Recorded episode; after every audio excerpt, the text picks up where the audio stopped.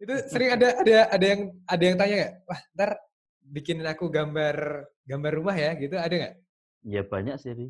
Banyak kan? Berapa teman ada. Nah, Ya udah aku cuma jawab, ya udah aku tunggu aja.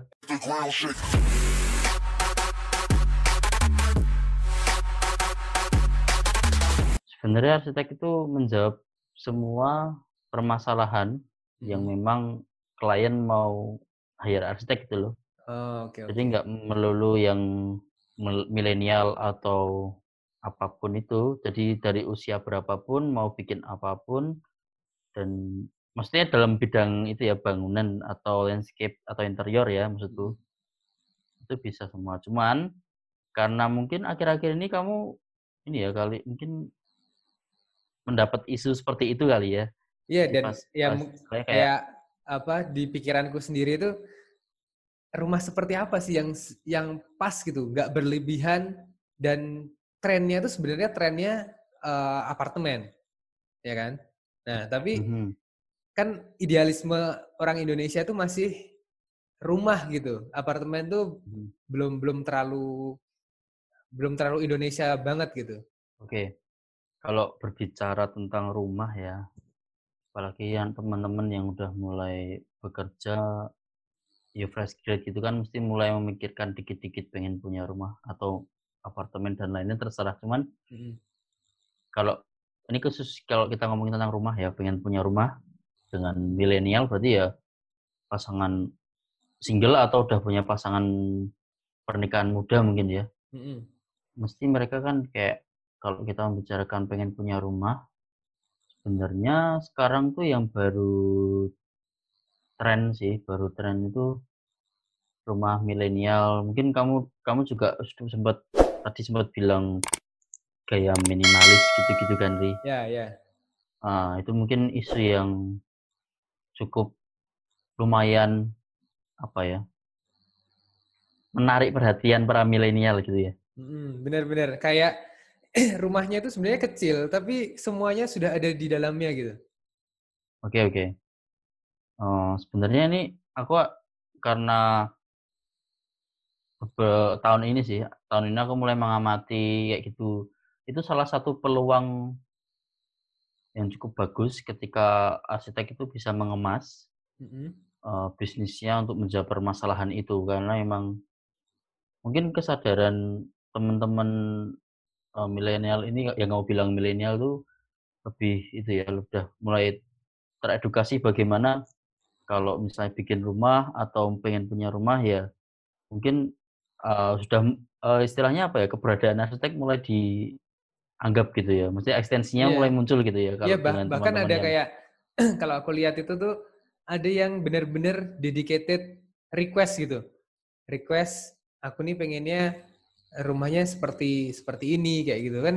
Banyak tuh aku lihat di YouTube, di Instagram tuh banyak arsitek-arsitek yang menawarkan eh, gambaran, gambaran desain-desain rumah minimalis.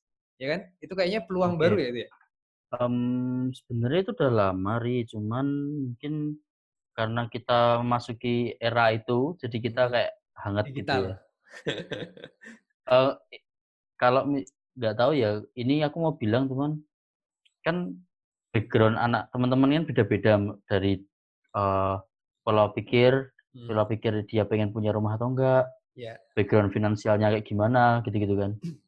Cuman untuk bener, bukan normalnya ya, tapi di pikiranku mungkin gambarin aku sendiri ya, biar enak dilihat itu.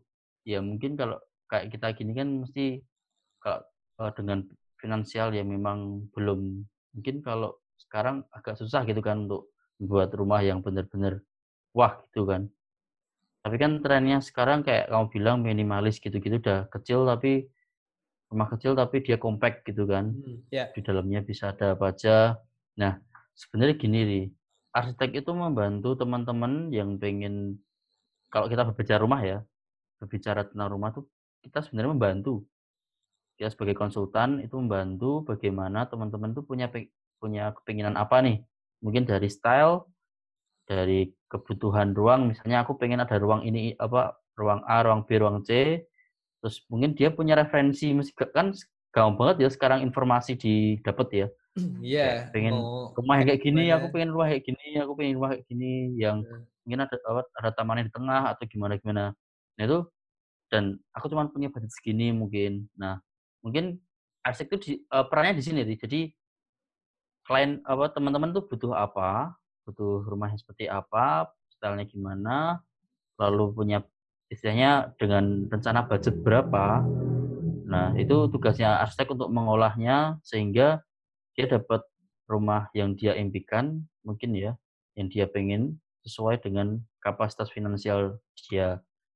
Cuman kal tapi dengan catatan yang masuk akal ya, maksudnya finan apa, budget budgeting-nya ya. Maksudnya yang masuk akal tuh ya dengan Nyampe cara gitulah ya. mungkin dia sur survei dulu ke kontraktor atau teman-teman yang dia apa, tetangga, teman, atau saudara yang bangun sekarang harga bangunan tuh per meter berapa sih. Nah, cuman nggak nggak yang cuman aku cuman punya duit misal 50.000.000 mau bangun rumah, ya itu agak mikir banget sih ya.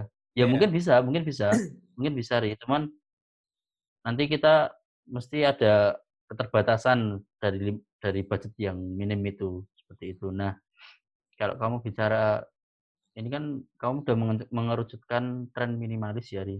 Mmm. Sebenarnya aku juga cukup tertarik. Akhir-akhir ini aku ya setengah tahun ini aku, eee, mengulik lah seperti, eee, mengulik hal itu. Ini, eee, sebenarnya aku tidak mempelajari aliran, cuman aku mengamati apa Enggak, yang sedang ada ada terjadi. aliran-alirannya juga? Minimalis itu berarti aliran ya? Nah, karena, eee, jujur nih, aku nggak tahu yang memang minimalis itu aliran dari arsitek siapa dan itu aku kurang memahami, at atau teorinya aku kurang memahami ya. Cuman aku akhir-akhir ini mengamati isu yang beredar kayak tren banget kayak gitu tuh. Jadi mungkin dari rumah kecil dengan Ya.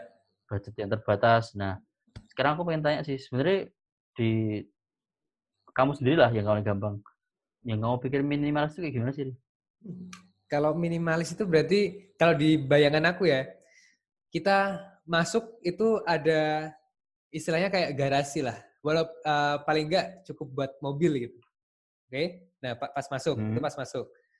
Masuk ke rumahnya itu ada ruang tamu. Ruang tamu langsung connect ke mungkin bisa dapur atau terus sebelah dapur ada kamar mandi. Terus mungkin, eee, apa, bisa kamar tidurnya itu di di atas gitu. Jadi bisa dibilang kayak rumah-rumah KPR gitu ya? Kan Nah, kecil-kecil iya gitu iya, kan, cuman bener dia bener. compact gitu ya. Heeh. Nah nah seperti itu rumah oke. Kayaknya kita udah pernah sharing belum sih masalah kayak kamu kan bilang, "Aku nyoba gaya hidup minimalis," gitu-gitu nggak sih? Oh, iya iya iya, heeh. Coba itu kayak gimana sih, Ri, nek kamu? Kalau kalau gaya hidup ya, ini gaya hidup. Gaya hidup Hmm. minimalis itu kita menggunakan barang yang kita butuhkan saja, gitu. Contohnya kita kalau ada ada TV 2, yang kita pakai cuma Mhm. 1, berarti satunya udah nggak kepakai kan. Nah, itu Mhm. disingkirkan atau mungkin dijual, kayak gitu. Contohnya kita punya, Mmm. eee, ya s biasanya sesuatu yang ganda, eee, itu kita eliminasi salah satu. Ganda atau, eee, berlebihan kayak gitu. Kayak Berarti gitu itu ya, apa, bertolak belakang dengan budaya orang-orang Indonesia yang suka mengoleksi barang di rumahnya Nah, dan ko kolek kolektor kolek kolektor itu bukan minimalis. Nah, gini, Ri, salah satu arsitek di Jakarta atau Tangerang itu, Mhm. itu ada yang dia memang branding-nya memang bener-bener minimalis. Mhm.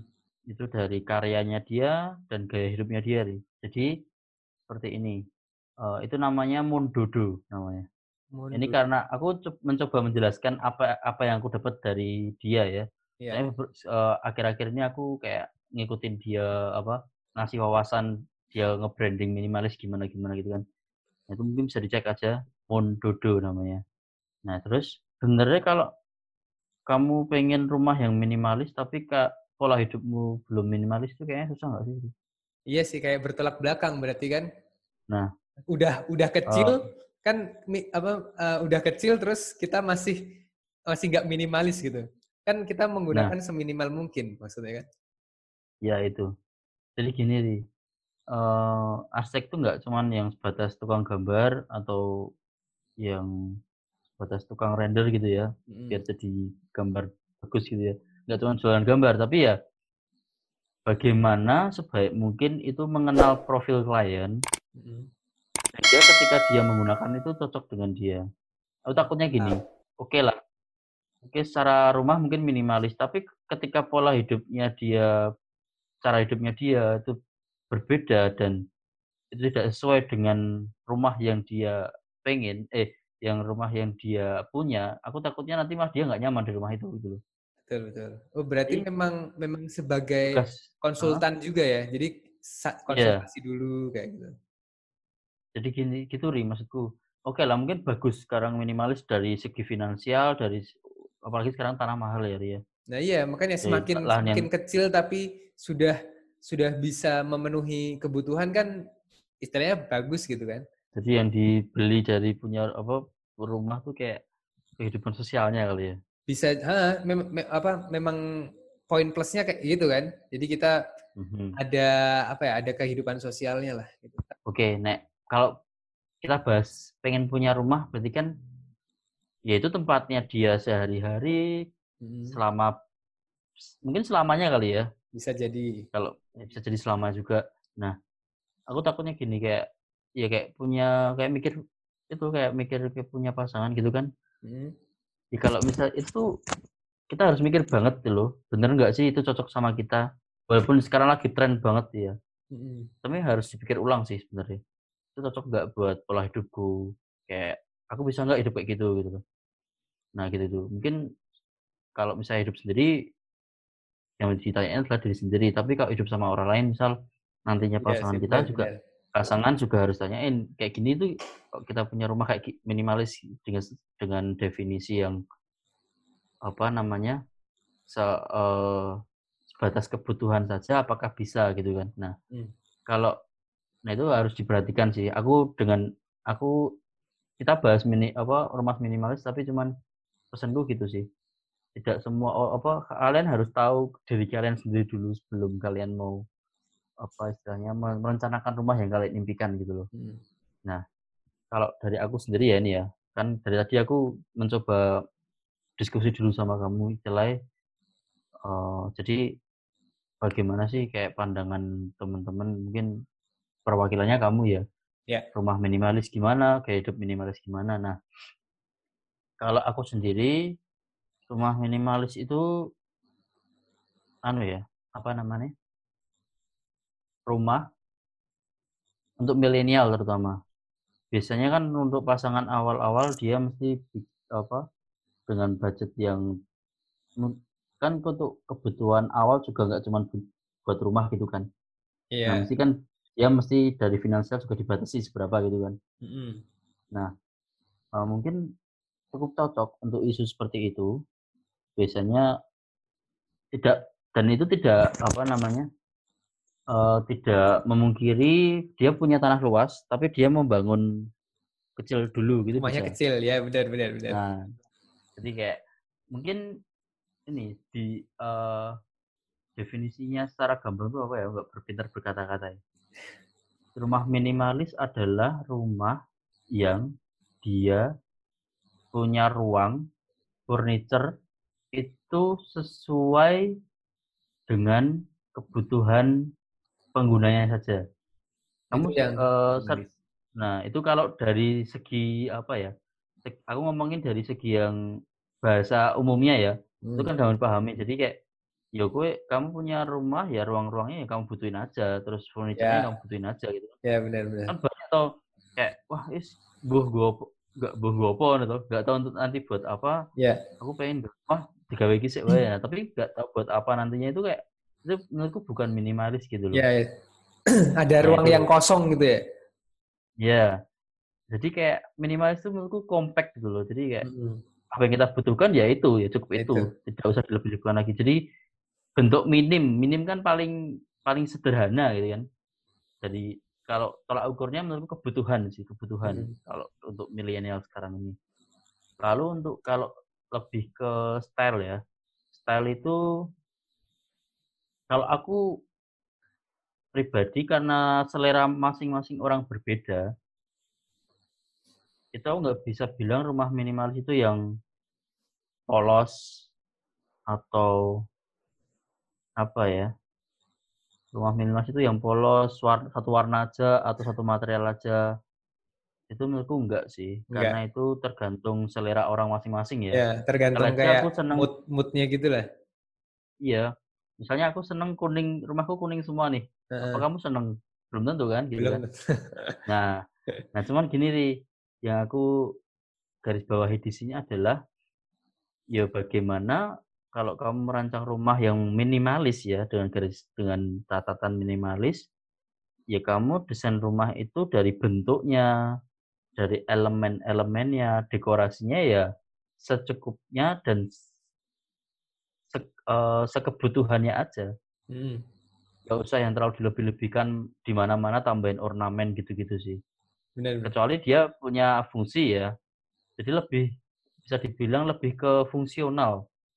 Ya kalau misalnya nanti bikin pintu ya ukurannya yang se sebutuhannya standar aja seberapa atau misal bikin tritisan ya yang penting misalnya gini, bikin apa ya namanya, kamu tahu tritisan nggak sih, Ri? Itu talang air, bukan ya? Eee, jadi kalau topi-topi, nah topi-topi jendela atau pintu yang di sebelah luar ruangan, kalau masih ada topi-topinya biar nggak kena hujan tuh itu. Oh, oke ya, ya gitu, heeh, Nah benar itu. benar. Nah, kan Ya, banyak sejenis sekarang kano yang kanopi ya? Kanopi bukan ya? ya kanopi, kanopi Iya. seperti itu. Ya banyak kan sekarang ban itu menjadi satu salah satu elemen desain ya. Ini contoh realnya. Iya iya, biar nggak kena hujan. Ya itu secara fungsi seperti itu. Tapi kan banyak orang yang meng mengol banyak arsitek atau banyak klien yang pengen itu menjadi elemen yang dekoratif gitu kan. Misalnya materialnya jadi lebih-lebihkan. Nah, nanti leb eee, konsennya lebih ke budget sih, Ri. Lebih ekstra. Nah, itu menurutku nggak minimalis, Ri. Oh, Ya oke. kalau kamu kalau kamu bisa sesederhana mungkin kenapa harus seperti itu. Jadi jadi Hmm. ya lebih fokusnya rumah minimalis itu kalau aku pribadi lebih ke kebutuhan, fungsional, dan budget.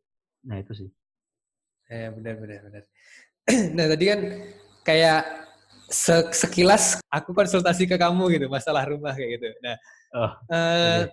ini gimana nih kalau aku beneran aku beneran mau pengen, eee, konsultasi rumah ke kamu gitu, ba mungkin orang-orang di luar sana juga ada mau lihat portofolio atau apa ya, hasil karya kamu gitu, gimana caranya, Ci? Adakah? Oke, jadi sebenarnya gini, karena memang dari kuliah aku nggak in untuk menjadi arsitek. Heeh. Aku tidak punya portofolio yang siap ku yang layak menurutku untuk aku apa ya, kasih ke orang-orang.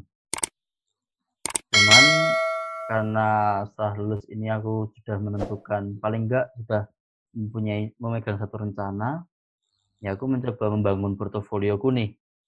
Aku mencoba membangun portofolioku dan kebetulan aku juga lewat YouTube lagi mulai nih, Ri. Aku mau Mantap. mul memulai portofolio dari YouTube nih. Ah, gokil nih.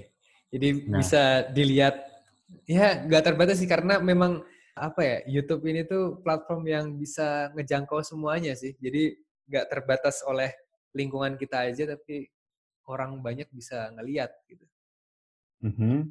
Mungkin ini ya, aku karena mungkin dimaklumi nanti baru apa, satu karya ya. Karena aku ini baru mulai, jadi mungkin nanti bisa di dilihat teman-teman mungkin bantu subscribe atau bantu jadi Nama promosi ya, Ri. nama YouTube-nya apa entar? Na nama YouTube-nya apa? Oh, Udah udah ini ada nanti namanya? kamu kamu bisa nyantumin link nggak sih, Ri? Bisa bisa bisa. Link bisa, Oke. entar aku tulis apa, tulisannya di bawah juga bisa. Oke, namanya sih W E E dot studio. Nah, jadi WEE Kalau nyari di YouTube W Studio aja. W E E studi spasi studio gitu. Itu kamu sendiri yang ngelola atau kamu joinan sama temen gitu? Untuk saat ini aku masih sendiri. Mantap mantap mantap. Aku masih soalnya aku pengen apa ya? Karena dari dulu nggak pernah memperhatikan yang seperti itu, aku pengen eee, mencoba apa ya, mencoba eee, memunculkan eksistensiku dan mungkin juga awal dari cara apa, membentuk branding ya. Iya Untuk benar branding aku mulai dari situ sih, heeh. Benar. Nah, Gitu. terus ini rencananya ke depan selain apa membentuk uh, YouTube channel tadi tentang arsitektur-arsitektur. Uh, rencana ke depannya apa Ji? Apakah nanti kan aku dengar-dengar mau, mau itu sekolah lagi? Apa tuh namanya? Nah, profesi kah? Ah ya. Jadi untuk itu salah satu rencanaku serius, salah satu rencanaku ke depannya aku pengen karena itu memang sekarang udah wajib. Jadi kayak arsitek itu nanti ke depannya akan diperketat aturannya. Jadi setiap ada perencanaan suatu bangunan atau ya bangunan gitu, nanti arsiteknya emang harus punya ini apa surat SKA namanya. Itu untuk menunjukkan kalau dia memang punya izin untuk berpraktek seperti itu. Untuk saat ini karena kemarin aku juga menyiapkan timeline diriku untuk menjadi arsitek, jadi agak agak telat sih. Uh. Karena memang panjang jalannya hari nanti aku masih butuh profesi satu tahun, nanti aku masih butuh magang dua sekitar dua tahun baru aku bisa dapat sumpah prof, sumpah profesi sih. Jadi arsitek muda. Nice, mantap lah pokoknya. Uh, ya semoga aja tercapai karena ya itu yang yang apa ya? Itu yang dibutuhkan ya. Berarti memang memang itu uh, sewajarnya arsitek sekarang memiliki SKA itu ya. Jadi gini kalau memang dia pengen berpraktek secara profesional sebagai arsitek, dia harus punya itu. Hmm. Cuman kalau dia sekedar uh, sebagai istilahnya apa ya bekerja bekerja di tempat orang di perusahaan orang ya dia nggak sebenarnya nggak butuh. Oh oke okay, okay, paham paham. Kalau dia tapi ke soalnya ke depannya juga aku pengen punya visi lah. Tapi visi jangka panjang sih. Kayak pengen berpraktek sendiri juga sih. Jadi kayak aku mau jaga-jaga mumpung mumpung masih muda gitu loh kalau udah nanti misalnya udah akhir-akhir atau itu kan kayak telat banget tuh. Iya sih, benar, benar, benar banget, benar banget. Ya karena tadi yang di awal tadi kita bilang kan apa uh, belajar itu gak ada gak ada batasan ya, ya gak? Nggak ada sih. Gak ada batasan. Mungkin aku iya di awal lagi dunia aku ini harus selalu explore nih kalau nggak explore ya nggak tahu udah bisa jualan nggak kak. Iya kita kita harus terus berinovasi dan menciptakan sesuatu yang baru. Ya, ya. Iya. ya ya. Oke lah. Jadi eh, ngobrol-ngobrol sama Ajinya kayak gitu. Wah, tadi udah ngobrol yang dari slow-slow sampai yang agak serius.